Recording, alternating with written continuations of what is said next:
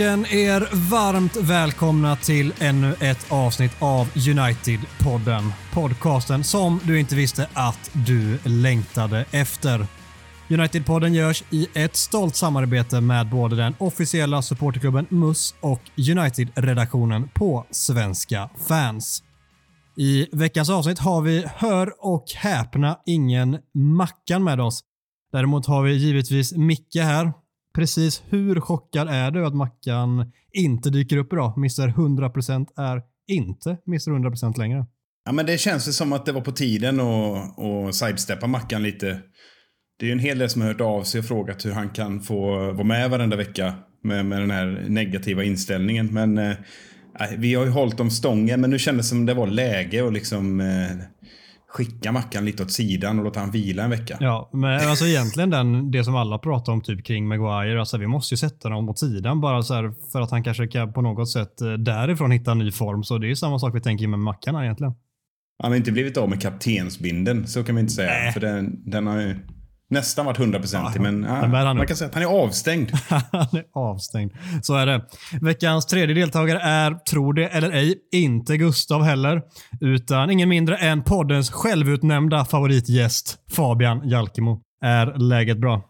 Ja, men det är bra. Jag är lite, lite orolig här när jag bryter Mackans eh, hundraprocentiga att, eh, att de trogna lyssnare ska jämföra mig med när man ersatte Cristiano Ronaldo med Gabriel Obertan sommaren 2009. eh, så jag, mitt mål är att inte bli eh, benämnd som Gabriel Obertan av lyssnarna efter det här avsnittet så känner jag ändå att jag har gjort ett habilt jobb. Och eh, som ni säger, Mackan är ju den bittra i podden och jag tror, jag tror fan jag hittat rätt ersättare för jag, jag kan vara cynisk, jag kan vara bitter, så oroa er inte. Jag ska, jag ska leva upp till Mackans eh, eftermäle.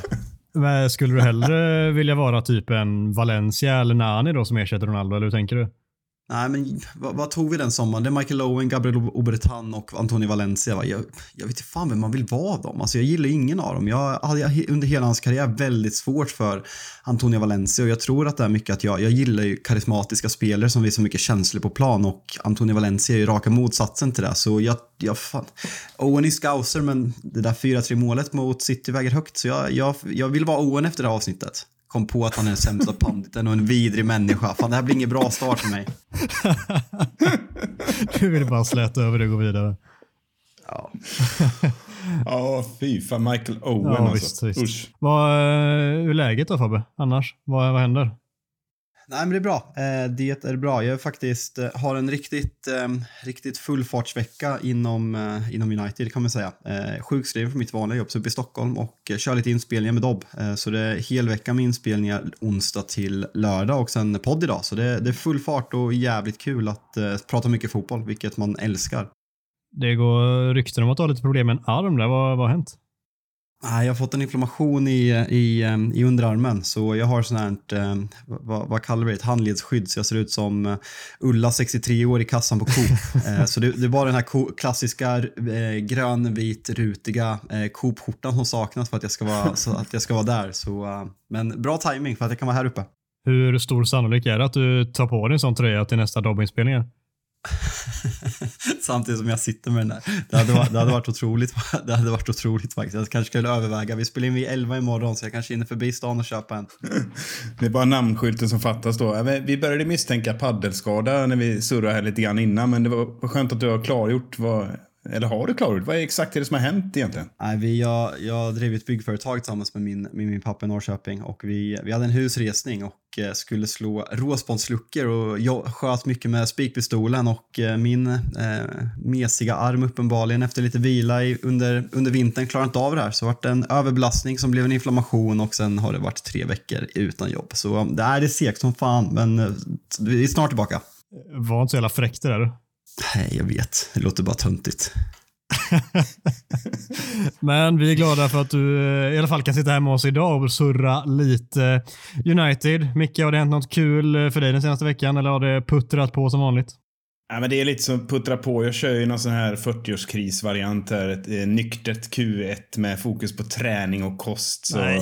jag har inte så mycket mer, mer att rapportera om. Men eh, dagarna ser likadana ut. Gå upp, träna, jobba, äta när klockan ringer, sova, repeat. Så mina vänner eh, på, på, säger att min livsstil påminner om tiden före färg-tv. Jag vet inte vad de menar riktigt.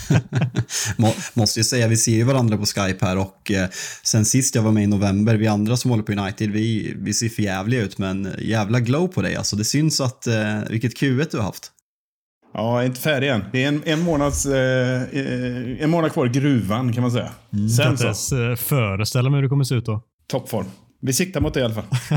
Nej, så inget spännande att rapportera om Adam. Men du har säkert det. Jag gissar att du har...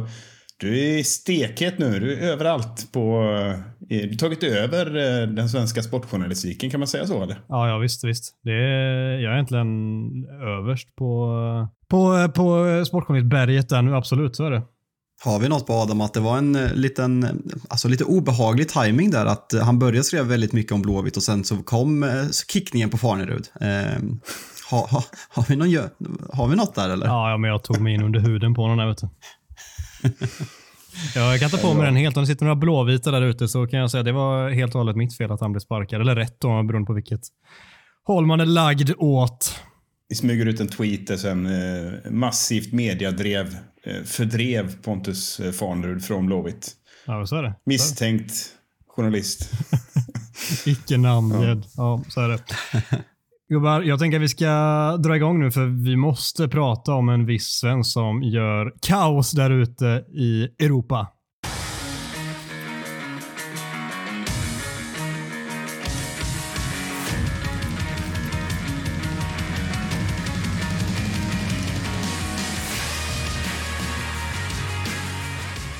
Men Chester United såg till att lösa ett bra resultat borta mot Atletico Madrid under onsdagskvällen.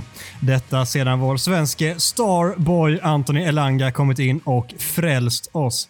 Fabbe, hur skönt var det när bollen så där retligt rullade in bredvid Jan Oblak? Nej, men det var, det, alltså går man till matchen, alltså så här bara, det är ju tron att vi får med oss en, en poäng den här matchen och att det sker på det här sättet. Sen, jag reagerar så konstigt för det känns som, när jag ser det här live så känns det som att han är så fri och kan ta med sig bollen in i banan och kan, att han gör likt han gjorde mot Leeds den här första gången han får ett drömläge, att han skjuter för tidigt. Så jag hinner ju skrika liksom, jag hinner ju bli arg när han liksom i pendeln för att sen eh, bli ett liksom euforiskt målvrål istället. Men Nej, det var, det var ett rån, men fan vad häftigt och fan vad häftigt det hade. Vi kommer komma in på Lang- Langa mer, men när man ser uppladdningarna från Plaza Mayor. Jag var själv där när vi mötte Real Madrid i, i åttondelsfinal 2013 och laddade upp på samma ställe och när man ser liksom inför bilderna att alla United-fans där sjunger och även sista kvarten efter det här målet att det, bara, det är bara Rhythm is a Dancer Anthony Langa på läktarna på stan i Madrid och som svensk, fan man, man blir stolt alltså. Ja men herrejösses vad den eh, låten har surrat i skallen konstant sedan det målet igår framförallt. Det var det, var det enda man hörde på, eh, på Wanda Metropolitano från, eh, från det målet och framåt och de fick stanna kvar en stund efteråt som sig bör med bortaföljet. Och det, det, det är något alldeles speciellt. Vad tänkte du mycket när det målet rullade in om vi bortser bara från vad det betyder för United och tänker på just Anthony Langa som såklart blir lite annorlunda med tanke på hans eh, nationalitet och eh, allt där kring. Nej, men det är klart att det är helt magiskt ju. Jag, jag kommer på mig själv och, och blir lite sådär romantisk. Så fort jag ser att Elanga är på väg att värma upp och när han kommer in så har jag det här hoppet. Ni vet, man har vissa spelare att han kommer fan komma in och, och sätta dit en kasse nu. Så jag var inte, det var inte så att jag var i chock, men eh, det var lite som Fabbe Du var inne visste på. ju att det skulle ske eller? Ja, men det kändes faktiskt lite så att um, ja, vi kommer komma in på en annan spelare som han eh, löste av lite snyggt och gjorde lite annan impact kan man säga. Men ja, jag, eh, jag var i eufori naturligtvis. Det kändes... Jag fick lite vibbar från... Det är ett obehagligt minne jag fick från Senegal-torsken 02 i VM där när Magnus Hedman satte sig på räva och eh, bollen liksom med en strumprullare rullade in i bortre. Det, det liknade lite Oblaks position där. Alltså briljant, det behöver inte vara hårt. Det ska vara välplacerat. Så är det faktiskt. Så är det. Du Micke, du har ju fått äran att eh, ta över veckans macka, så du får köra veckans Micke, eller vad väljer du att kalla den. Vilken ände vill du börja? Ska vi, ska vi inte köra veckans Mickan istället? Mickan. Ja, Nej, det är det var nya nu. Det var svagt. Ja. Vi, vi byter namn till det. Nej, men jag är lite nervös faktiskt, för det är lite press. för jag vet inte, jag, jag har försökt liksom slänga in så här lite hat och ilska och sådär, men jag är inte det i naturen, så vi får se. Det kanske blir lite för positivt där. Vem vet? Nej, men eh, skämt åsido. Vi går lös på näst bäst tycker jag. Den, eh, den eh, fick jag inte, eller jag inte tänka så länge på egentligen, utan eh, jag har möjlighet att få lite mothugg nu, mycket garderingar, men vi kör. Näst bäst. Vi börjar så ni inte, inga ledtrådar här, men många kliar sig nog i huvudet när de fick se laguppställningen. Eh, blir det treback? Vem ska spela höger wingback i så fall? Spekulationerna var igång liksom, men när man fick klart för sig att det var Victor Nilsson Lindelöf som skulle spela högerback så ska inte jag sätta mig på den högsta hästen, men för mig blev det ganska logiskt rätt snabbt varför. Eh, det var tydligt att Rangnick såg framför sig ett massivt press från eh, Atleti och så blev det ju också. Och eh, jag måste säga att Visst, eh, tydligen förvarnat att vänsterbacken skulle ha vassa inlägg och att eh, Joao Felix skulle vara sylvass i boxen. Men eh, Viktors första halvlek tycker jag var outstanding om man jämför med hans lagkamrater. Det var ju inte särskilt svårt att imponera i den, i den miljön. Och visst gick så där vid 0-1 och stoppa nämnda duo. Men eh, jag, jag förstår inte riktigt hur, hur till exempel Paul Scholes kan få- iväg den här jävla tweeten. Han, han har ju sånt gränslöst hat mot Victor Nilsson Lindelöf så att jag, jag vet inte vad det liknar. Liksom. Så jag säger Vigge i min bok näst bäst. Fabbe, vad säger du? Är han, är han näst bäst i United under gårdagen? Jag tycker att han är direkt dålig igår. Nej. Jag, eh, jag tycker han kommer helt, eh, helt ur position och liksom tanken med hela den här grejen är ju verkligen att man ska flytta in en trebacks likt City gör ibland när de, när de har spelat Stones där ute och, eh, och, och flyttar upp Cancelo som vi skulle göra med, med, med, med Luke Men jag tycker verkligen att Vigges svaghet blottas i den här positionen, att han, han sliter verkligen i spelet bakom sen han kommer en mot en, att han är svag när vi står högre upp. Jag tycker att vi har tur som inte drabbas mer för det är flera gånger det är halvchansen när folk kommer runt på Vigges, på Vigges sida och eh, det, det chockar mig faktiskt för jag tror LA, Adam van Bissaka tycker jag är en habil insats mot, mot Leeds och hans defensiva egenskaper i de här typerna av matcherna har han visat, framförallt mot PSG kanske, att eh, han hanterar väldigt bra så jag trodde verkligen att han skulle starta. Eh, sen att han eh, enligt Hasse Backe benämndes som en offensiv ytterback när han kom in, det, det, det är jag väl inte helt överens om men jag, jag tyckte inte Vigge var topp två i United igår. Nej, jag, jag trodde att jag skulle vara ensam och dra den här lansen. Jag tänkte att jag kommer nog få lite mothugg när jag drar den, men jag tycker inte heller att han var särskilt bra igår. Han var, han var lite, ja, men han var snäppet över godkänd sett till att han spelar på en position han inte är van vid på det sättet. Men om vi ser till en högerbacksprestation så tycker jag inte att den är godkänd. Med det sagt så har jag ju inte jättemånga motbud heller i laget, för det är ju egentligen ingen som är särskilt bra. Men om jag ska lyfta upp en som jag tycker är näst bäst så landar jag faktiskt i Fred istället. Jag tycker inte att han på något sätt äh, gör bort sig igår, utan det är snarare att eh, ja, men de gångerna han får bollen så löser han det ganska bra. Det är, liksom så här, det är absolut ingen dunderinsats, men jag tycker att han är minst dålig av de andra förutom den som du kommer lyfta upp sen då, som nummer ett, vilket jag tror att vi alla är eniga om. Oavsett, jag lyfter Fred där. Jag tycker att han vinner en hel del boll och han eh, ligger bakom också det här mål som vi gör i slutändan. Men så här, ja, det, det går inte att kapa ditt eh, beslut att sätta Victor Nilsson Lindelöf därför det, du kan säga vem som helst och det går att argumentera för det, för alla är ungefär lika dåliga i laget. Jag är, ny, är nyfiken på vem Fabbe tyckte var bäst i första halvlek i United. Ehm. Ingen. Alltså första halvlek är alltså det är katastrof och det var ett litet wake-up call hela första halvlek man, man gick ju in, fan jag gick in med bättre känsla än på väldigt länge för att vi Alltså de här kryssen vi har mot Southampton och Burnley ska ju vara sex poäng och sen kommer vi mot Leeds. Sen inser man, vi har inte mött ett enda bra lag när, under Ragnik. Det är liksom mot Wolverhampton när vi är totalt utspelade och sen möter vi Brighton och får inte rö- röra bollen på 45 minuter, båda matcherna på hemmaplan. Så det var verkligen en lektion vart vi står i hierarkin i första halvlek. Men nej, jag kan inte argumentera emot Vigge i, i, i första halvlek. Jag, jag, jag köper det. Men det är ju helheten vi ska döma Micke. Det är ju inte bara första halvlek Ja. eller? Nej, men jag, jag, jag håller inte alls med. Jag tycker att han stoppar extremt mycket. Sen visst, det var mycket spel på hans kant. Det köper jag. Det var en ovan position och han är ingen optimal högerback. Men jag förstår ändå laguttagningen och jag tycker han hindrade mer än vad han sabbade. Men ja, det, det är inte hans fel på målet, tycker inte jag i alla fall. Nej, det är det inte. Jag tycker att, ett, jag tycker att målet går. Jag tycker att ofta så att man ska försöka hänga ut. Vissa vill hänga ut Maguire för att han är seg, men det där är bara ett fantastiskt jävla mål. Alltså så här, Ja. Inlägget är perfekt, nicken, löpningen är perfekt, Mm. nicken är helt perfekt. Alltså så här, det är bara, alltså klappa händerna. Fint mål av Mm. Atletico. Ja, absolut. Ibland får man bara ställa sig och applådera. Så är det. Så är det. Ja. Ja, där är vi över- överens. Vad bra, då flyttar vi till eh, den som var bäst igår i, i min bok. Vi får se om ni håller med mig här då. Nej men eh, det är ju självklart. Eh, hoppar man in och, eh, och levererar den typen av impact i en, i en sån här viktig match när man är 19 bast, då är det inget snack. Antonio Elanga var bäst. Han, han får en kvart på sig, men han är bäst. Punkt. Vi behöver inte ens baka in att han är 19 det spelar ingen roll så här egentligen. Han kommer in och gör den här impacten i en sån viktig match. Alltså löper på ett sätt som ingen annan har gjort, vilket är sjukt låga krav, men han gör ju faktiskt det. Så ja, jag, jag tror inte någon kan säga emot han var bäst i United igår. Det, det finns Nej. inga som utmanar, men det, det är svårt att säga något annat. Nej, jag tycker den som jag håller näst bäst är en annan inhoppare, Nemanja Matic. Jag tycker vi får en bättre balans på mittfältet och Mm. man ser att han med sin, alltså sin rutin och hans, alltså hans passningsfot kontra de andra, att vi verkligen är i behov av den typen av spelare, även om han har passerat Zenit för länge sedan. Men jag tycker att vi, vi får ett bättre grundspel och mer stabilitet när han kommer in på plan, så jag tycker han, han ska nämnas också. Mm, köper det helt. Det är en Om spelare han hade varit med från måste, start då. Ja, men det är en spelare som måste... Hade han hängt med? Nej, inte 90 minuter har han inte tänkt med. Så är det. Ja, men intressant. Vi har, vi har lite olika åsikter, men jag tror inte ni eh, är emot mig nu när jag ska plocka ut den som eh, behöver höja sig, som vi säger här i United-podden.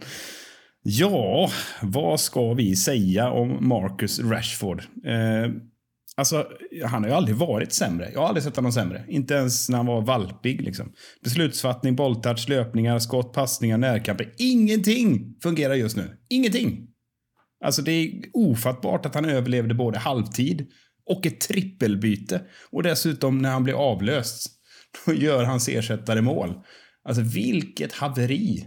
Vil vad var det vi såg överhuvudtaget? Usch. Alltså det måste verkligen varit rock bottom för Marcus Rashford i United-tröjan här och eh, alltså, känns, det, det ser uppgivet ut. Man känner att man börjar tappa hoppet. Vi kommer komma mer till Marcus Rashford sen så vi ska, jag ska inte prata för mycket om det men alltså det, det är så många som gör en dålig insats. Ronaldo i alltså så här, de här matcherna, han, om det är mot Chelsea, Carricks match när han spelar Cavani där istället. För Ronaldo när vi när vi är så här tillbakatryckta, Ronaldo bidrar inte med någonting. Och ändå är han inte ens nära att vara sämst i United. För Marcus Rashford är på en helt egen nivå och rullas ut klipp nu. Liksom, det känns som att han spelar för sig själv. Han skjuter, han är frustrerad, han skjuter, han kan inte slå en passning normalt. Det, det är sanslöst uselt. Det är två överkryssade getingar, får man ge det? absolut, absolut. Alltså det är verkligen klappuselt den eh, prestationen han står för mot Atletico Madrid här och det kändes som att han kanske ändå började hitta formen här för ett litet tag sedan. Han gjorde ett par mål. Det började sakteliga finnas någonting där man såg någon glimt av självförtroende, men det har ju bara alltså, raserats dubbelt om. Och det vi ser igår, eh, det är som ni är inne på, det blir bara återupprepningar om jag ska säga allt igen, men jag tycker framförallt det här, så här beslutsfattandet i kombination med att han eh, helt plötsligt ser ut som han spelar med pjäxor på fötterna. Det är eh, obehagligt att se. Jag, jag älskar Marcus Rashford, vilket nog de flesta har koll på som lyssnar på den här podden kontinuerligt. Och det, det smärtar mig något enormt att se honom spela på det sättet. Det är fruktansvärt. Nej, jag, jag, det finns inget mer att lägga till. Det, det är bara sorgligt. Och tittar man i hans ögon, de är ju tomma, de är uttryckslösa. Det hänger med huvudet hela tiden. Och det spelar liksom ingen roll om, om laget lyck- lyckas med någonting. Han springer omkring i sin egen lilla värld och bara... Jag vet inte vad det är han sysslar med. Nej, nej. Bänka. Vi, vi, vi slår fast att han var sämst eh, på, eh, ja, på hela arenan igår. Det kan vi väl ändå tillåta oss att säga. Om vi pratar mer om matchen då innan vi går vidare härifrån. Vi var inne på att United spelar inte bra, allt det där. Det, det kan vi ju liksom, det ser ju precis allihop. Men eh, vi får med oss ett 1-1 resultat, vilket i sig är ganska bra, särskilt eh, ja, jag vet inte om det blir bättre eller sämre nu när de tar bort bortamålsregeln, eh, men ett kryss borta är kanonbra liksom, när vi kommer in och får spela på hemmaplan på Old Trafford i eh, den avgörande matchen där det kan bli potentiell förlängning och allt det där så får vi i alla fall supporterna i ryggen därifrån. Så allt som allt en bra utdelning på en dålig prestation. Är det där vi landar eller? Ja, verkligen. Min känsla, jag sa i paus att eh, när det stod 1-0 och vi var så utspelade, det var så här, jag, jag tar 0-1 nu. Kan vi åka till Old Trafford med 0-1 så, så, mm. så är det taget. Sen kan jag se fram emot det väldigt mycket. Där är det, tre, det är tre, tre säsonger sedan vi spelade slutspel Champions League när vi möter PSG och eh, Barcelona i kvartsfinalen. Så vi har alltså det är två Champions League-slutspel sen Ferguson lämnade. Eh, har jag rätt där? När vi åker mot eh, Olympiakos första med Moyes och sen torskar vi mot eh, Bayern München. Har vi något tredje? Vi har... Eh... När Mourinho tog Sevilla, oss va? till... Ja. Just ja, Mourinho i Sevilla. Det är de, det är de tre och det varit ett haveri i åttondelsfinalen men nu Mm. känns det verkligen, vi är, vi är svältfödda för det, här, för det här och jag tror verkligen att alltså Old Trafford är något som varit bra i år. Det här är nya singing section och case stand och hela faderullan med det. Så jag tror verkligen och hoppas att det kommer vara en jävla stämning om, om, det tre, om två eller tre veckor. Eh, så jag ser verkligen fram emot den här matchen. Alltså extremt mycket. Jag kände ett pirr igår inför matchen som jag inte känt på länge. Det, det är något speciellt med de här Europakvällarna. Det går inte att komma undan och att få den sen på Old Trafford, det, det, det kittlar något enormt faktiskt. Ja, det är klart att det är en fördel att börja borta. Och, men som du säger Fabbe, alltså, jag var nära att säga att jag tar 2-0. Alltså, det, var, det var lite den känslan, vi får bara kryp, krypa hem med svansen mellan benen här efter, efter första 20. Så var, tänkte, vad är det här? Och Atletico har ju absolut inte varit bra i år. Så det var precis, kändes som typiskt. De torskade mot, eh, vad var det, Levante hemma eller något för ett par omgångar sedan. Och så sparar sig till United och kommer ut som ett jävla helt, gamla vanliga Atletico Madrid. Så det är en osannolik, eh, ett osannolikt resultat sett till matchbilden, det får man ju ändå säga. Och det har ju de flesta varit inne på. Vi måste ju även prata om vilken, vilken hemsk människa Diego Simeone är som inte tog Rangnick i, hand efter matchen. Det är liksom, vi, jag är så kränkt. oss. Fan Nej, nej, jag är så kränkt. Nej, det, det är ett hån mot Liverpool här. Det, han, han gör inte det. Han, han gör aldrig det. Men det är ju bara en tränare som har gjort en scen av det här och ställt sig framför kamerorna och beklagat sig och skällt ut journalister som frågar efter det här. Och hans namn är, trumvirvel, Jürgen Klopp. Ja, jag helt, det gick över huvudet på mig, men, men nu, nu sjönk det in. Tack. Ja, tack. Alltså, en sak som jag tycker vi måste diskutera lite grann också är hur, jag vet inte ens var vi ska landa i, varför det blir så, men vi måste åtminstone konstatera att vi även i den här matchen, när det blir en match som är lite av den större digniteten, så springer spelarna runt och ser livrädda ut, klarar inte slå en passning, missar mottagningar konstant, springer och gömmer sig, står i passningsskugga. Vad är det frågan om? Varför blir det alltid så här? Första halvlek, alltså det är, det är livrädda spelare i United ute på planen. Varför? Det är ju så duktiga spelare i grund och botten, många av dem. Nej, men, men jag har en liten take på det, så man får vara lite förmildrande. De får ett tidigt mål. United är inte bra att spela upp bollen från bakplan. Försöker göra det mot ett lag som är specialister på att käka upp eh, den typen av usla lag i sin press. Jag vet inte hur många gånger Paul Pogba vände upp mot tre, fyra Madrid-spelare som bara käkar upp han i första halvlek. Han är ju riktigt duktig annars på att hålla ifrån och vända upp. Ja, ni vet, liksom, han, han tog sig ju inte fram. Liksom. Det var ju hopplöst. Så att det, det var också situationen att vi fick det där tidiga målet som satte sig i huvudet. Och istället för att då bara slå lite långt och liksom någonstans försöka spela sig bort från den värsta pressen så, så körde vi ju fast hela tiden och det förstod inte jag. Jag satt och var helt galen för att vi försökte och försökte och försökte med urlångsamt och ingen rörelse och så med samma utfall. 15 gånger. Jag kräver liksom inte att de ska på något sätt spelas ur pressen gång efter annan eller så. Man kan absolut lyfta det långt också som du säger, men om man väljer att slå passningar så kan man väl åtminstone kräva att man ska kunna ta emot en fotboll helt plötsligt på den här nivån. Alltså, det är spelare som är så otroligt skickliga i grund och botten. Vi ser det i Premier League-matcher emellanåt och vi har sett det tidigare individuellt på alla spelare, men så fort det är en match av lite större dignitet och det blir lite mer strålkastarljus på spelarna så det, det skakas alltså och helt plötsligt så missar man en mottagning som, som alla vi tre hade kunnat lösa trots våra begränsade fotbollskunskaper. Nej, ja, nej, exakt. Nej, men jag, jag tycker ändå man ser, alltså om vi tar Ragniks matcher mot Wolverhampton och Brighton borta, att det är samma symptom i det när vi möter ett passningsskickligare lag som är mer bolltrygga och jag tyckte bilderna som kollades ut på Twitter på Paul Pogbas reaktioner på David de Geas långa utsparkar efter, efter Leeds-matchen är ja, men signifikativt för David de Gea må göra sina fantastiska räddningar men en målvakt i Manchester United kan inte bete sig sådär med fötterna. Det, det är så omodernt målvaktsspel och det är han som sätter grunden för det här. Sen finns det ju videos på Scott McTominay som har sina styrkor i duellspelet och liksom fylla på och kanske kan vara en av två rotationsspelare på det där mittfältet men hans förmåga, han gömmer sig ju på fotbollsplan så vi har ju vi har ju väldigt få passningsskickliga fotbollsspelare om man tänker efter. Det är så här, hur många backar ska man beskriva som passningsskickliga? För mig, i, typ ingen. Alltså Vigge kan dra med sig foten, men det finns ju bra mycket mer passningsskickliga mittbackar i, i England, så jag tror att vi måste om, om eh, omstudera liksom hur, vart våra fotbollsspelare står eh, rent passningsmässigt, för vi är ett jävligt dåligt possession-lag, vilket vi visar gång efter annan. Det har du alltså en grov poäng och vi behöver värva in spelare som är mer passningsskickliga. Det råder det inga som helst tvivel om. Det, jag tycker bara det är så förvånansvärt att, eh, nej det borde inte ens vara förvånansvärt längre, men ändå så chockas jag över det varje gång det kommer till den typen av matcher att man klarar inte av en enkel mottagning, man klarar inte av att slå en enkel pass på tre meter utan sätter den lite fel och så går den rakt i gapet motståndaren istället. Om man bara eh, sätter den, de grunderna så lyckas man ju på något sätt skapa sig själv lite mer tid och du får inte den här pressen konstant på dig heller. Var noga i det, de bitarna till att börja med i alla fall så gör du inte dig själv en otjänst åtminstone.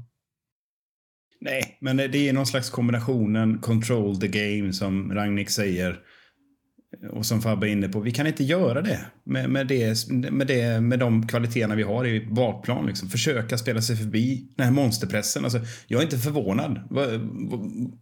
Vadå, skulle vi ha spelat ut Atletico Madrids och press då? Nej, det gick inte att vinna, på, i alla fall inte i första halvlek på det sättet. I andra halvlek är en helt annan halvlek. Det, där, där kommer vi högre upp i plan, vi bryter eh, bollen, de känns oorganiserade och då är United ett helt annat lag när vi får erövra bollen ja, 10-15 meter in på offensiv planhalva och då går passningsspelet fort. Men det är från bakplan när vi ska liksom försöka rulla upp. Eh, det går inte. Inte mot sådana lag i alla fall. Nej, det märks ganska tydligt att det är två lag som kommer till den här matchen med ganska skrala självförtroenden. Det är ju två lag som inte har gått särskilt bra inhemskt i år och inte fått till spelet eh, något eh, alltså att prata om egentligen överhuvudtaget. Och det märks i den här matchen tycker jag. Alltså, Atletico de får med sig publiken i början, de får ett mål, de får självförtroende, då ser det bra ut. Men sen börjar de tänka lite i andra halvlek. De, det märks att de har inte riktigt det där kollektiva självförtroendet som de har haft tidigare när de bara maler på där. Och United börjar helt plötsligt känna att oh, men vi kanske kan äta oss in lite grann. Det börjar ändå hitta någonting där. Och det är som du säger, det är jämnare i andra halvlek. Det är inte så att vi skapar en massa målchanser eh, för det, men det är jämnare, det är lite bättre och till slut så är det ju alltså, det är ju Atletico missar ju lite i pressen och så Ronaldo halkar och så har vi 1-1 där i slutändan. Det är ju ganska symptomatisk match för två lag som inte riktigt är på sin bästa plats just nu. Innan vi går vidare så måste vi också konstatera att vi vann en ganska viktig match eh, borta på Ellen Road. Vad tyckte du om det Micke? Var det gött? Det var så in i helvete gött med tanke på eh, deras eh, vänliga och fina fans de har Leeds. Vad skönt att trycka till och täppa igen den trut, eller de trutarna. Det mådde man. Det får man ändå lägga till. Det är viktigt att få fram det känner jag. Ja, och när vi nämnde Langa förut också. Det var bland det finaste på länge när han går fram och pekar på klubbmärket United och liksom här är jag liksom och allt det där. Det, det gillar man ju. Ja men ver verkligen, alltså det, det vi var inne på Elanga, att han liksom pekar på klubbmärket och hyschar den där, den där publiken efter vad de sjunger i den där matchen. Det, det är så jävla häftigt och man, glömmer, man, man vill verkligen tro att han har uppfostrats en 12 års ålder i Uniteds eh, akademi och lärt sig vad den här rivaliteten betyder. För det är verkligen, det är något man saknar och en hela den här matchen är sånt man saknar med fotbollen. Jag som blev förälskad i engelsk fotboll på 90-talet för det är, det är de här matcherna och den här rivaliteten man har saknat. Så eh, mer, mer av den typen av matcher älskar hettan som var i den, eh, i den matchen. Och sen, det smäller ju konstant på planen också. Det är mycket mål. Det, det är som du säger Fabbe, det är den engelska fotbollen så som den var för 10-15 år sedan och långt bak det till också. Det är eh, fantastiskt att se när vi får de här glimtarna av vad som var förr också. Underbart.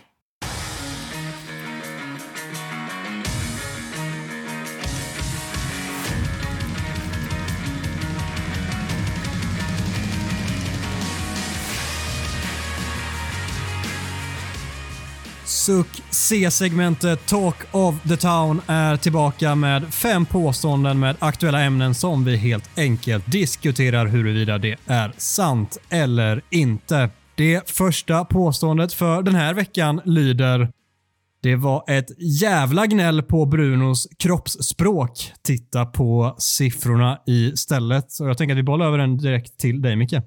Ja, men tack för det. Jag eh, tycker detta är sant då. Nu får det fan vara nog. Det var ett jävla tjafs. Brynja är så dålig. Brynja viftade och skrek på domaren. Oj, oj, oj. Och då svarar jag 113 matcher, 49 mål, 38 assist. Håll käften. Och sen Premier League-siffrorna ska vi dra dem också. 76 matcher, 35 mål, 25 assist. Ska vi ta bort de här eh, målen och assisten då hade vi legat eh, 13 plats eh, alla säsonger och åkt ur ännu tidigare i alla kupper. Ja, som Piers Morgan sa med Backham, ta bort hans inlägg och eh, frisparkar. Så alltså, vad är Bruno utan mål och assist? oh, ta bort alla spelares bästa egenskaper så är de inte så bra. Nej, just det. Det var det sjukaste jävla Twitterbråk jag någonsin har bevittnat. Ta, ta, ta, bort Jan Kollers 196 centimeter och låt han vara 10. Hur bra är han då?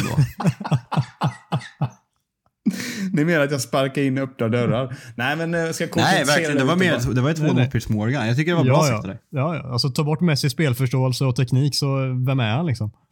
han har snabbhet Messis ben såg av dem. Också, sant, så en meter bara.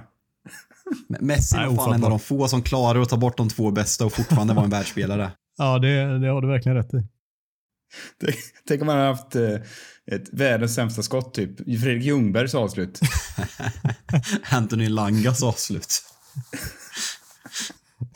ja.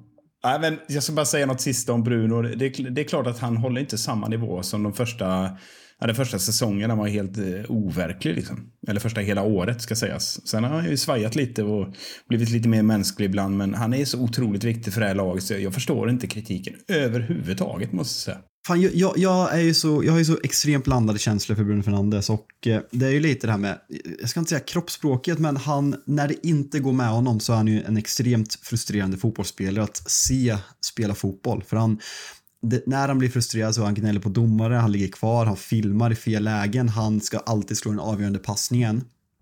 Och det jag egentligen har ställt mig lite frågande till är Finns det en, en roll i ett fotbollslag som vill vara bäst för en spelartyp som Bruno Fernandes som, som är ganska dålig? Han vill slå så många avgörande passningar vilket gör att han ska mycket poäng men han är väldigt dålig för ett lag som vill hålla i bollen. Exempelvis Pep Guardiola hade ju hatat att ha Bruno Fernandes för att han alltid slår bort bollen. Och eh, jag ställer mig väl lite frågande till om eh, han ska ha ett, en given plats i ett lag som ska bli bäst. Sen samtidigt, jag älskar Bruno Fernandes. Det är en av mina absoluta favoritspelare i dagens Manchester United och utan honom, som du sa Micke, vi hade förmodligen legat på trettonde plats.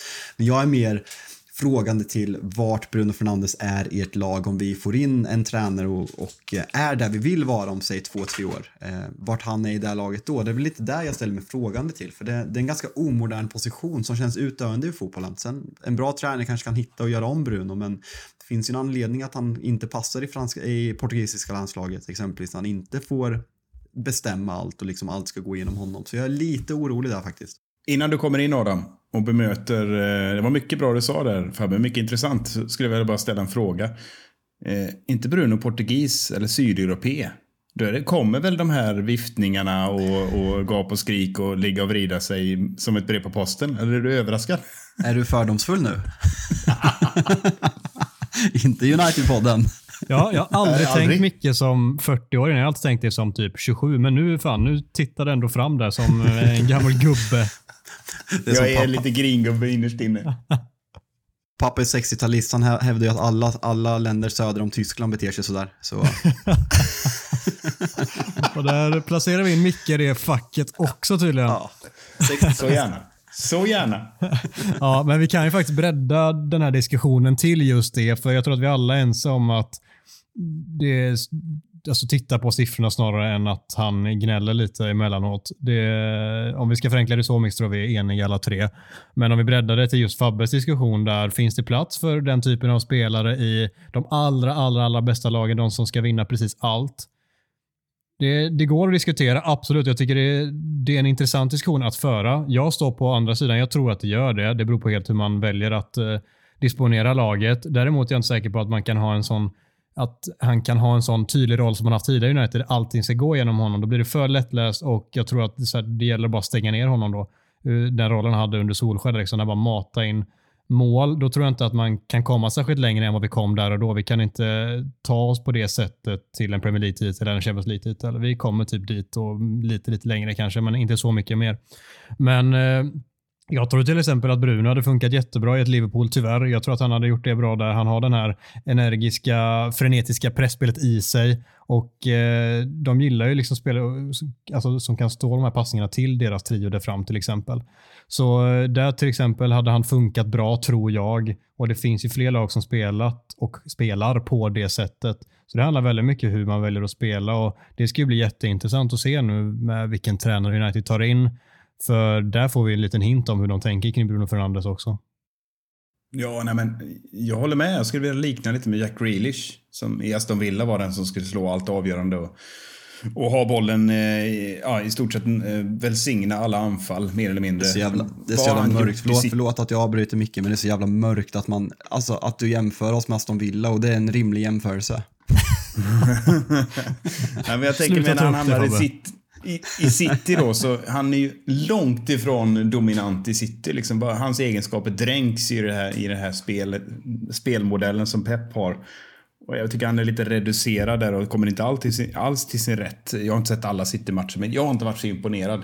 Men placera in Bruno Fernandes i City, jag håller med att det är omodernt med nummer 10. Ja, men i brist på, eh, vad är det man brukar säga, eh, en, enskild briljans FC brukar United kallas. Eller eh, vad, vad det nu brukar vara.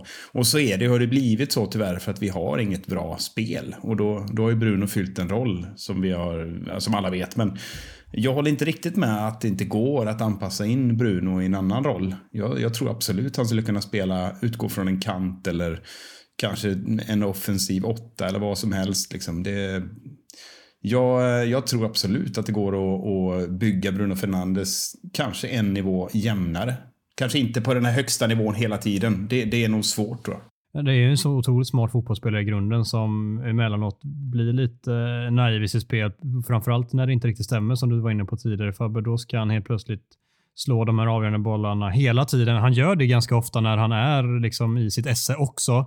Men han är lite bättre på att värdera lägena då. När det inte riktigt stämmer för honom, då ska han slå den hela tiden och misslyckas alltså nio av tio gånger. Men sen helt plötsligt, så den där tionde gången, så är det ju en, liksom, en passning som är helt briljant och så ger det oss ett mål. Så det, det är lite så här vad man står och väger, men de allra bästa ja. tränare vill ju ha lite mer kontinuitet där och att det kanske inte ska kräva så många missar för att det är också väldigt sårbart bakåt att bli av med bollen så ofta som vi blir när han är på det humöret som man kan vara emellanåt. Ja, nej men verkligen. Sen är det svårt. Det är alltid svårt att gå till City och Pep, för Pep är ju liksom, det är den mest speciella tränaren som någonsin har tränat ett fotbollslag och Jack Grealish för 100 miljoner pund är ju än så länge en tokflopp. Men samtidigt så här, det du säger med Bruno Fernandes, alltså den poängskörden, alltså mål är det svåraste du kan göra på en fotbollsplan. Alltså du kan lära dåliga spelare att, att försvara, det går alltid, men just den här poängskörden, den är, kommer alltid vara attraktiv. Men jag tycker som sagt att det är kul att få olika perspektiv på det, hur han skulle kunna spela. Jag tror att det har mycket med systemet och tränaren att göra. Att man, att man har en, ja, men en besatt jävla tränare som visar exakt vad man vill ha varje spelare på varje position och sen få in Bruno snarare i tre man mittfält istället för en liksom utpräglad tia som man kanske var under Solskär där allt skulle gå genom honom och jag, jag vill tro att det att det skulle funka, men jag tycker det är värt att ta upp frågan för den, den frågeställning som rullar i mitt huvud ganska ofta när man ser honom spela. Tveklöst, och man faller ju gärna dit lite extra de matcherna där det inte riktigt stämmer 100%. Och så, typ som igår, det var ju inte mycket som han träffade rätt med. Och så helt plötsligt kommer den där framspelningen och så gör han sin sjätte, eller, ja, sjätte assist på, sjätte, på sex matcher eller vad det nu är i Champions League den här säsongen. Det, det, det är en speciell spelare på väldigt många vis. Nu kommer vi in på honom. Marcus Rashford kommer inte att hitta ur det träsk han har grävt ner sig. Och Det är en punkt vi har diskuterat tidigare, men vi kände att det är relevant att diskutera detta igen. För nu har det gått en period sedan senast och det ser i ärlighetens namn inte bättre ut. Det ser inte ens lika dåligt ut, utan det ser sämre ut. Fabian, börjar din hörna som vi faktiskt inte har hört resonera kring detta. Hur tänker du kring Marcus Rashford och hans nuvarande status och framtid? Att jag genuint börjar bli väldigt orolig för hans framtid i Manchester United. Det, det här är egentligen den första eh, moderna, alltså så här, Jesse Lingard var ju aldrig den där superstjärnan. Det här var ju, skulle bli vår första superstjärna som skulle liksom vara från Manchester, alltså inte första men ni fattar, första på väldigt länge. Som mm. kommer från Manchester, slår sig igenom i ungdomsleden, kommer in och gör de här målen mot Arsenal och eh, om det är Nordsjälland i eh, Europa League och eh, och skulle bli den här världsspelaren som skulle avsluta sin karriär i United och sen att man på det, på köpet utöver den e- exceptionella eh, talangen också fick det här vad han har gjort under pandemin inom, inom politiken. Det, det har gett en, en stolthet som Manchester United-supporter att man kan säga att Marcus Rashford, Marcus Rashford is red. Som, eh, eller Rashford is red som sången om honom lyder. Och Eh, det, eh, det gör ont som fan att man börjar tvivla för jag, det är tendenser som jag inte gillar med hans spel och hans, hela hans uppsyn eh, på en fotbollsplan just nu. Så jag tycker att det är väldigt oroande och jag, jag har tidigare sagt att ah, men det är en dålig, han har haft mycket skador, han har kommit tillbaka, det var psykiskt jobbigt med straffmissen. Men jag, jag börjar tvivla rejält på Marcus Rashford om han kommer bli den där spelaren som vi alla, vi alla hoppas på och trott om han blir den spelaren vi i början trodde att han skulle bli, det tror jag vi nog tyvärr kan slå fast att han inte kommer bli. Sen tror jag fortfarande att vi kan ha en jätte, jättebra spelare i honom i framtiden oavsett. Och sen såklart det beror på hur bra man trodde han skulle bli, men alltså genuint jättemånga höll i honom som ja, men kanske topp tre största talanger i världen där och då när han slog igenom. Han kommer inte bli topp tre spelare i världen. Det kommer han inte bli, men han kan bli en väldigt, väldigt bra fotbollsspelare. Och jag är, som jag nämnde tidigare, alltså en av hans absolut största supportrar och håller honom så otroligt högt eh, som framförallt människa och liksom vad han har betytt eh, kring allt det. Men också tycker att det är en väldigt bra fotbollsspelare i grunden som har så otroligt mycket verktyg. Det är bara att han har så otroligt svårt att plocka ut vilka verktyg han ska använda i, i med rätt, eh, på, eh, rätt situation på planen. Och eh, när han är i dålig form och har dåligt självförtroende så väljer han ju fel konstant. Det är som igår när han får bollen utanför boxen där mot Atletico. Och Det finns passalternativ när Rashford fyller på till vänster, men han drämmer iväg ett skott tre meter över. Det är så tydligt Rashford när han inte fungerar. Och eh, ja, jag, jag, är också orolig. Jag tycker inte på något sätt att vi ska börja prata om bör han lämna, bör vi sälja honom? Liksom, I de termerna, absolut inte. Men vi ska nog förbereda oss på att ha andra spelare redo att använda oss av. Att inte tänka Rashford som en spelare som ska vara en gjuten startspelare framöver, vilket var otänkbart att tänka kanske för typ två år sedan när han gjorde en sån otroligt bra säsong under Solskär och innan skadeproblemen faktiskt kickade in och allt som hände i EM som du var inne på Fabbe också.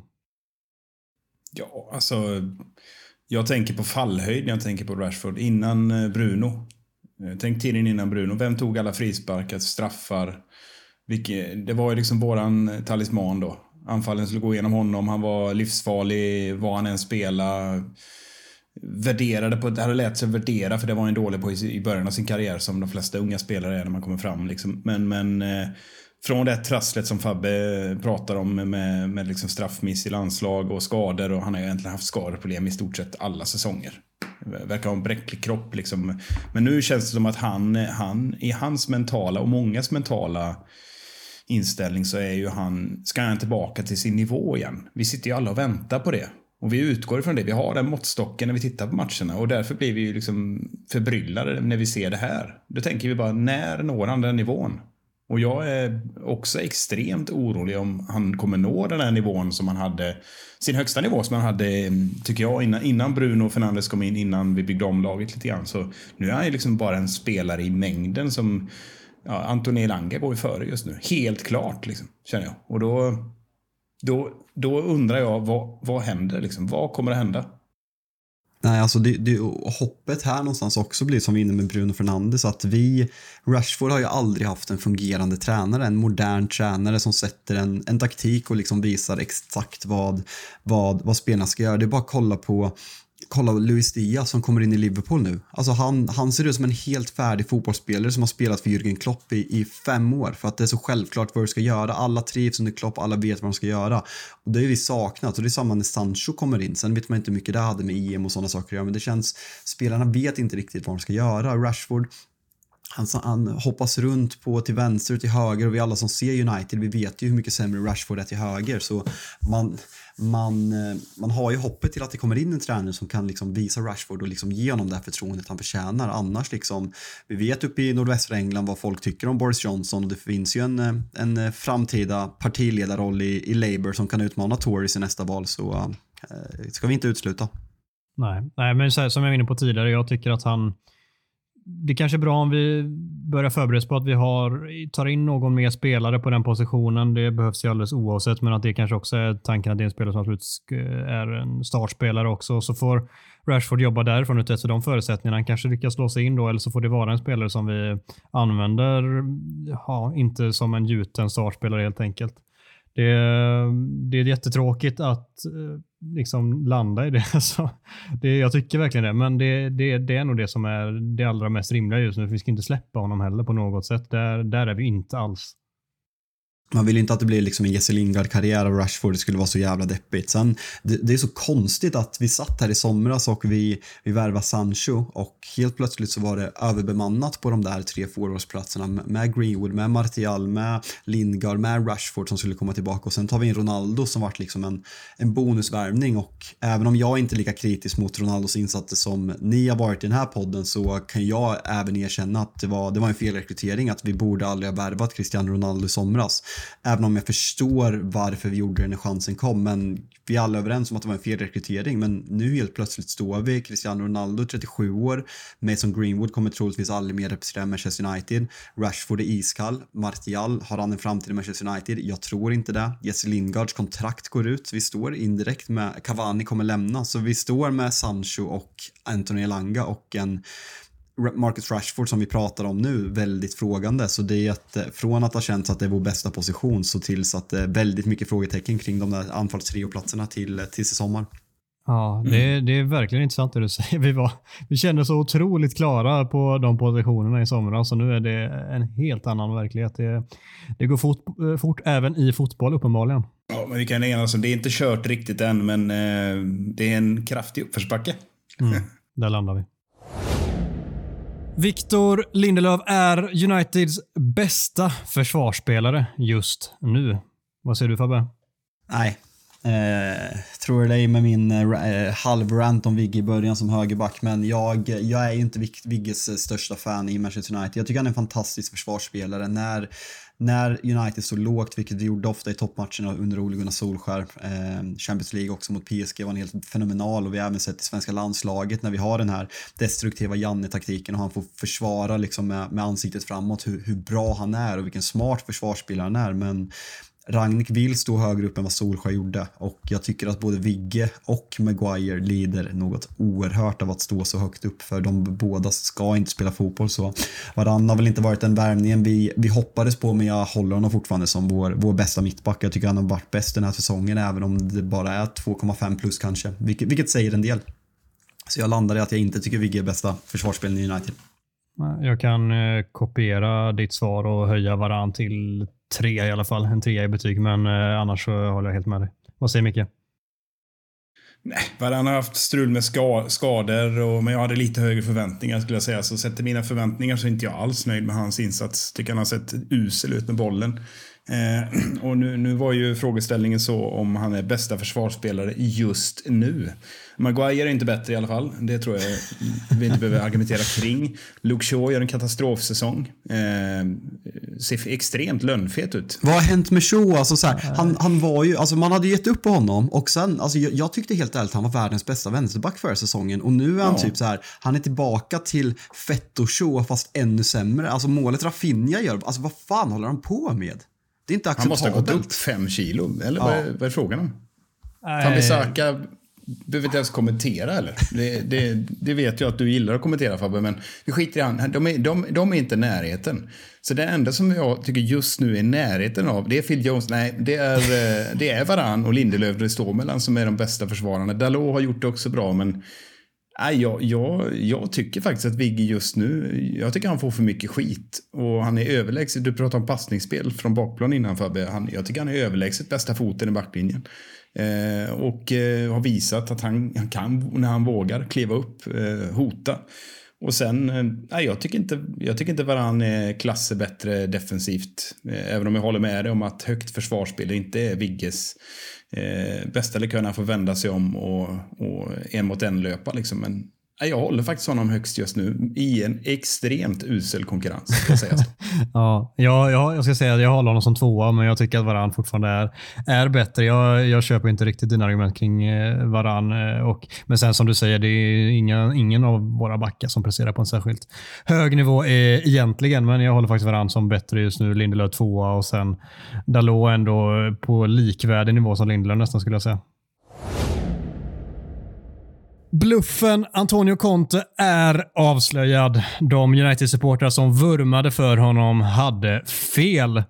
Micke, vad vill du säga om denna? Du brukar få så mycket skit för dina, eh, en dåre dina som har skickat in den här. Ja, riktig dåre. det är dåre. Vid namn Marcus Eriksson som ligger bakom där. Han, han låg vaken om nätterna och kunde inte sova i flera veckor innan han värkte fram den här. Jag vet inte vad, och det vad detta är det bästa han fått fram? Adam, du får gå in och styra upp det här. Vad, vad är det frågan om? Vad är det, vad är det för påstående ens vi har ja, men jag, jag fattar inte varför han ska klämma in denna. Det är ett ofattbart till att börja med. Men den finns med, då får vi väl angripa den på något vis. Och Nej, Antonio Conte är ingen bluff. Man vet vad man får av honom. Det är Tottenham att ta över. Herregud, tänk bara på det till att börja med. Och Sen går det inte att bedöma en tränare på att han har, vad är det nu, det är fem matcher där han har torskat fyra, vunnit en.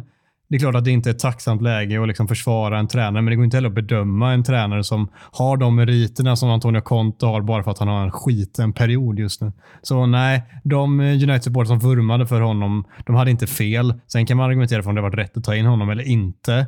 Men eh, det är ju inte det. Liksom, bluffen Antonio Conte är ju inte avslöjad här och nu, vilket eh, frågan antyder.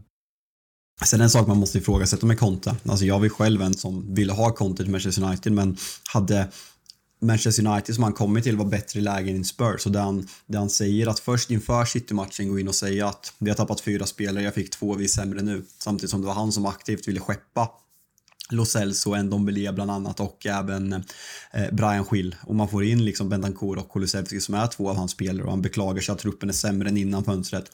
För att sen slå City, säga att Tottenham är världens bästa lag, de har världens bästa spelare, Harry Kane är världens bästa forward, han ska spela oavsett om han har ett ben amputerat. För att igår när man torskade mot Burnley säga att styrelsen borde utvärdera om han ska få sparken för det här är inte kul. Alltså så här, den sidan av Antoni Conte hade vi inte velat ha efter tre månader i Manchester United. Så där är jag på något sätt tacksam för vi hade kunnat varit i exakt samma läge för United är inte i mycket bättre skick än vad Tottenham är. Så eh, jag, eh, han är absolut inte en bluff men Antoni Conte på ett 18 månaders kontrakt i en icke-fungerande fotbollsklubb tycker jag han bevisar just nu inte en match made in heaven vilket var självklart när han skrev på för Tottenham för Tottenham står för allting som Antoni Conte inte står för. Ja, alltså det är enkelt tänker jag. Alltså han försöker spela kontefotboll med ett lag som inte är ett kontelag. Det är väl det enklaste att säga. Eh, det finns, alltså det, försvarslinjen är ju ännu värre än vad det, det haveriet vi precis har gått igenom. Men, men såklart, jag håller helt med. Det, det är ju hål i huvudet och, och, eh, och döma ut Conte nu. Men jag tycker ändå det, det är på sin plats och att man satt och skrek efter Conte för man tänker det är titelgaranti eller det är framgånggaranti och så vidare. Men det beror ju helt på. Det tar ju ofta ett år, kanske ett och ett halvt år att bygga om ett lag minst. Och det ska bli väldigt intressant att se. Jag tror inte han blir kvar eh, efter de 18 månaderna. Det har jag väldigt svårt att se. Alltså jag tror det beror på väldigt mycket nästa sommar, hur mycket Tottenham kommer få. Sen som säsongen börjar dåligt, då kan han ryka ren i januari efter 12 månader. Eh, tror jag absolut han kan göra. Ja, kanske till och med tidigare än så. Han, eh, ja. han är nog inte feg för att uh, säga, säga upp, nej vi skiter i detta. Alltså. Det, det går inte. Blir han, blir han inte backad i sommar kan han absolut göra det. Mm. Ja, det, alltså, jag var också en av de som eh, gärna tog honom. Jag tyckte han var bland, alltså, om inte det bästa, så bland de absolut bästa alternativen som fanns där och då. Sen eh, går det väl att pudra lite på det eller backa lite från det påståendet just nu att det kanske inte hade varit optimalt som ni säger nu med hur otroligt stormigt det faktiskt blir med honom i klubben i, och i en klubb som United som gärna liksom blåser vind i de stormarna utan kanske att man har bestämt det själva. Det bara blir så, för det är så United fungerar just nu och, och gjort under en längre tid. Så nej, det hade väl inte varit en match made in heaven. Är vi färdiga med det här usla ämnet? Ja, fy fan. Nu går vi vidare. Det är det sämsta segmentet i podden hittills. Riktigt dålig fråga.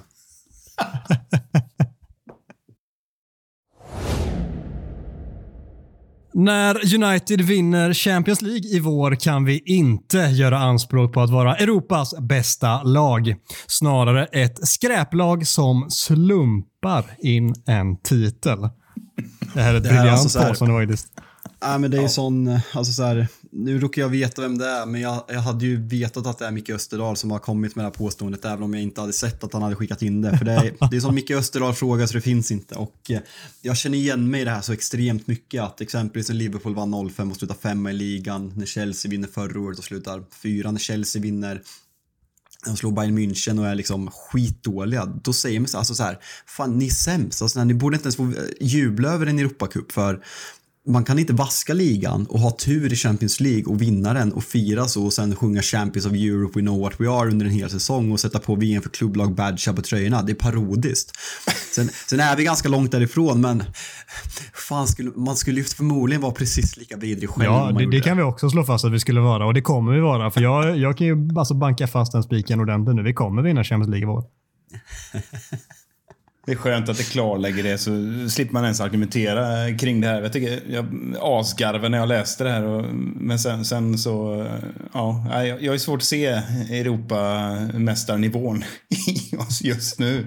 Jag har svårt att se hur vi ska kunna slumpa oss fram i turneringen. Jag vet City- inte. City skulle ju choke om de får oss i en semifinal. Och sen är vi i en final där och den tar vi ju. Men vad heter det? Finalen kommer ju flyttas nu från Sankt Petersburg så vi kan väl vara med lite snabba och, eh, och boka ett, eh, ett, ett rum där finalen spelas. Avbokningsbart. Nej, vi Ja, skiter ja, i ja. avbokningsbart. Vi skiter i avbokningsbart. Vi, vi bokar rummet. Vi bokar rummet så åker vi. Vi kan boka, alltså lägg skumpa på is kan vi säga också. Det är så här, vi, vi ska ha den där jävla Champions nu. Det är dags.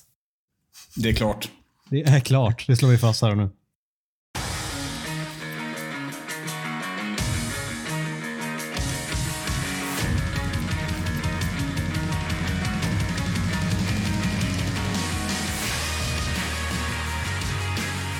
Härnäst väntar ett möte med Watford på Old Trafford på lördag klockan 16.00.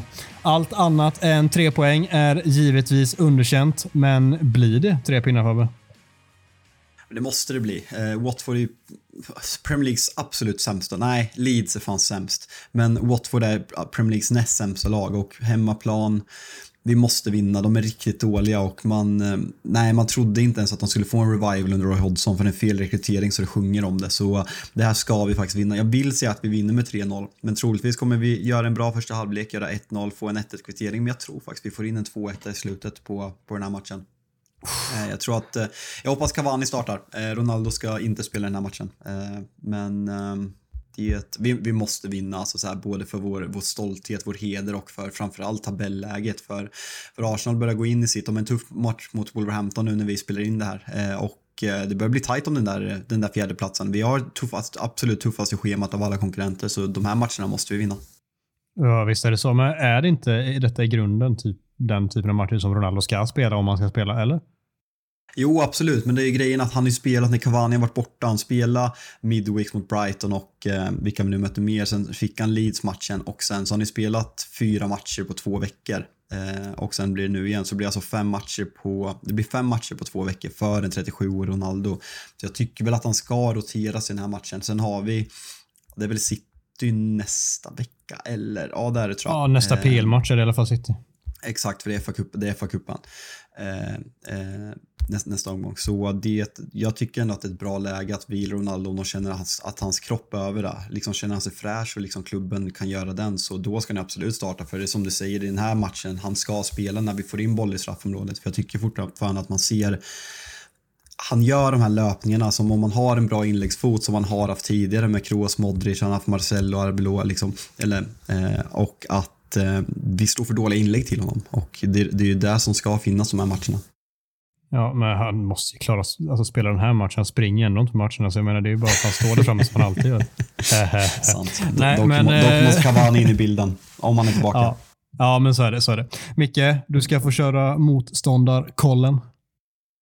Ja, men jag har laddat upp här eh, och hade, jag tror inte vi hade det här segmentet motståndarkollen förra gången vi mötte Watford. Det var nog kul för då hade vi haft fel. Mm. Men vi är förvarnade nu och ja, det är lite sparka in öppna dörrar. Men jag tänkte jag skulle ta er tillbaka lite i historien här så vi får lära känna Watford för er som inte har koll på dem.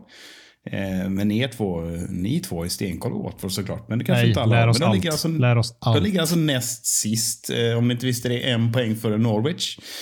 Eh, det är kanske inte så oväntat för man kom från just Championship och, och balanserat eh, när de var i, League, i Premier League tidigare. Och, eh, annars är den här klubben mest känd för att ha Eh, för sin ovana att byta manager lika ofta som Leif GW Persson skiftar sitt glasögonläge. Och det är ju ganska ofta. Så eh, jag vet inte vad de sysslar med där borta egentligen. Men sen återkomsten, jag räknar lite på detta då. Sen återkomsten i Premier League 15-16. Så har de här hunnit med att avverka hela 12 managers. Det är helt absurt.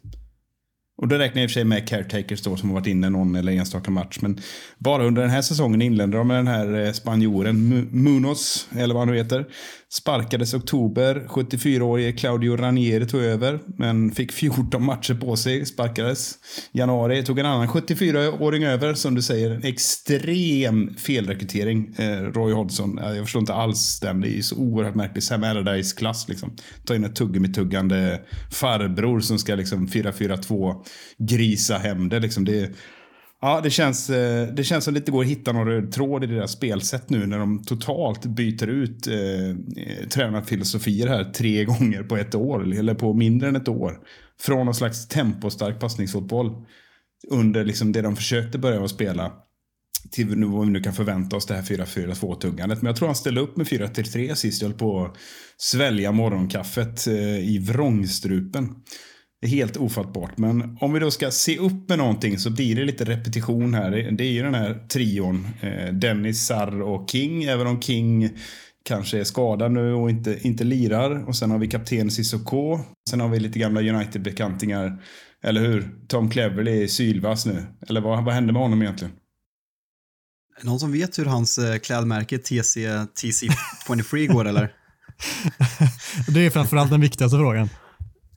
Ja, alltså så här, alltså fine att så här, ja, men det går väl ifrågasätta att Jay Links eh, ska skaffa klädmärke med den karriären, men att Tom Cleverley körde T- TC23 när han spelade United, det är försiktigt skeptisk till framgången i det här klädbolaget. Om vi öppnar din eh, garderob, hur många tröjor har du?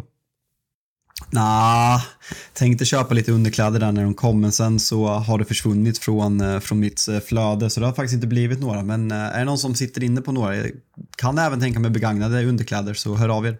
Jalkimo på Twitter. Slida i DM.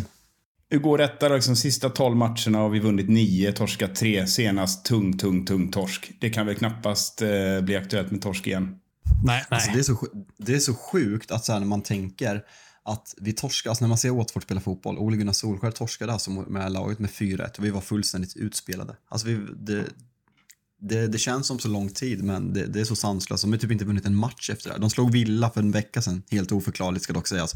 Sen fick man stryk igår mot eh, ett jävligt mediokert Crystal Palace med 4-1 eh, på hemmaplan också tror jag. Ja, på hemmaplan. Det är. Nej, så oklart fotbollslag, men jag har väldigt svårt att se att när vi summerar den här säsongen i, i, i maj att, eh, att Watford är ett Premier League-lag. Jag har jättesvårt att se det. Vi kan få sällskap då när vi ändå är inne på det. Spekulera lite. Norwich ryker. Ja. Ehm, sen är det jävligt Sen är det tajt alltså. tajt, alltså. Det är riktigt tajt. Brentford kan blanda sig i. Fortsätter Leeds som de gör nu och Calvin Phillips och Bamford inte kommer tillbaka kan de blanda sig i. Everton får man rejält med stryk med City i helgen så kan det vara en poäng ner. Så nej, det är riktigt tajt. Jag tror i alla fall Burnley och Newcastle är ju liksom de formstarkaste lagen här nere just nu. Så nej, det är ett eh, jävligt ovisst. Men får jag säga något så säger jag nästan Brentford. Vill ju ha ut, jag vet att jag eh, riktigt, eh, alltså du, du hatar mig när jag säger det Micke, men jag vill ju gärna ha ut både Burnley och eh, ja, Newcastle tror jag vi alla är eniga om, men Burnley också. Men det kommer inte bli så. De kommer gneta sig kvar. Fina Veghorst kan du inte hata i alla fall. Bempa Kan du Mi inte det? sänker Spurs igår. Bempa. Nej, fy fan. Vilket jävla rövgäng. Om vi tittar på Uniteds lag inför matchen. Vi pratade lite anfallspositioner där tidigare. Vad, vad kan vi få se för typ av rotationer? Jag, jag, tror att vi får se Sancho igen. Jag tror att vi får se Elanga från start. Ni får hojta om ni tror någonting annat. På centralt mittfält blir det väl Bruno och Pogba och så eh, kanske Matic den här gången då från start eh, beroende på om McTominay har blivit frisk eller inte. Backlinjen känns väl ganska självskriven. Att Dalot är tillbaka. Jag hoppas vi får se Alex Telles och sen så mittbackarna, där ska varann vara en av dem och sen hoppas jag Lindelöf, men jag tror att det blir Maguire. Vad säger ni? Nej, men jag tror samma sak. Det skulle, alltså Alex Telles skulle, borde spela den här matchen för Shaw har varit iskall och det här är en, en match som Alex Telles, han är mer offensiv, han löper mer och han är fan inte sämre än Shaw för Shaw bryr sig ju inte. Eh, Dalot känns given, Elanga känns given så jag tror du har elvan där. Sen är det om Cavani eller Ronaldo startar. Cavani är helt fit tror jag han startar, annars tror jag Ronaldo startar. Mm, jag tror att om Ronaldo är helt fit så startar han. Ja, jag tror också att det känns inte som Cavani startar. Jag vet inte vad det var. Det var, var det ljumsken eller vad, vad hade han för strul? Det, Nej, man hade väl semester igen, jag vet inte. Jag har slutat läsa. Det är alltid något jag är så trött på. Ja, ja jag, fan, jag gillar ju honom så mycket i grund och botten, eller gjorde i alla fall, men nu är jag så jävla trött på honom. Han ska ha sina semester och han ska vara skadad konstant. Och, nej, det, det är så jävla rätt läge att bara gå skilda vägar med honom i sommar, så det finns Verkligen. Inte, alltså. Sen när man såg, alltså Nej, men när man såg den här löneposten att Cavani alltså ska sitta på 250 000 pund i veckan. Alltså så här, jag trodde att det var ett skämt. Alltså den åldern och skriver på ett nytt kontrakt och är alltså topp 20 bäst betald i Premier League och liksom får extra semester och får extra semester efter landslagsuppehållet skadad hela tiden. Det är, liksom, det är så United så det finns inte. Men det blir lite lyxigt. Han borde, alltså det är en lucka nu när Henrik Lundqvist har lagt ner uh, Head and Shoulders. Han får ju ta över där. Känns given eller? Med håret ja. Ja, alltså visu visuellt är det ju en perfekta fotbollsspelare. Ja. man, man har ju ångest, eller ångest, man mår ju lite dåligt för alltså så här, Cavani hade blivit så omfamnad i United om man, om man hade gått från, United, från Napoli till United när han gick till PSG. Ja. Alltså så älskad han hade blivit och den, alltså håret, målgesten, löpstilen, inställningen. Alltså han har verkligen allting för att bli en sån omfamnad Manchester United-spelare. Ja han är ju en United-spelare i grund och botten. Han är ju verkligen det. Det är det som verkligen. är en United-anfallare. Så det, det, är tråkigt mm. att han kommer på ålderns höst och att det nu minnar ut i vad det ändå har gjort med tanke på att hans, uh, hans vårsäsong förra året var ju briljant. Verkligen. Tips. Vi måste tippa matchen. Fabbe måste ju ha grovt fel. Det är mycket viktigt att vi verkar in det. Ja, ja det, du sa 2-1 i slutändan där. Vad säger du Micke? Nej, jag säger ju eh, 3-0. Vi håller nolla. Mm, 3-0. Jag säger att vi kvitterar ut eh, höstens resultat mot dem och vinner med 4-1 då. Vad brukar Mackan tippa som är så jävla negativ? Eller? Brukar han tippa han vinst ändå eller? 1-1 eller något han har sagt. han har slutat tippa så han kan ju inte säga sin målskytt längre. Det går inte. Nej, nej fy fan. Ja, nej, det går inte. Men han, han, han brukar väl alltid lyckas landa i att vi får en sketen 1-0-vinst till slut. Typ. Det, det känns väl... Ni, ni, får syna mig där, men det är min magkänsla att det är det han brukar säga. Ja, okej. Okay. Tråkigt. Jag säger Sancho och, eh, Sancho och Bruno i mål. Sancho och Bruno. Ja. Jag säger att Elanga är fyra baljor. Mm.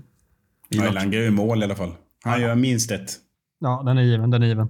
Med de orden så tackar vi så enormt mycket för den här veckan. Det är alltid lika roligt att ha dig här Fabbe till att börja med.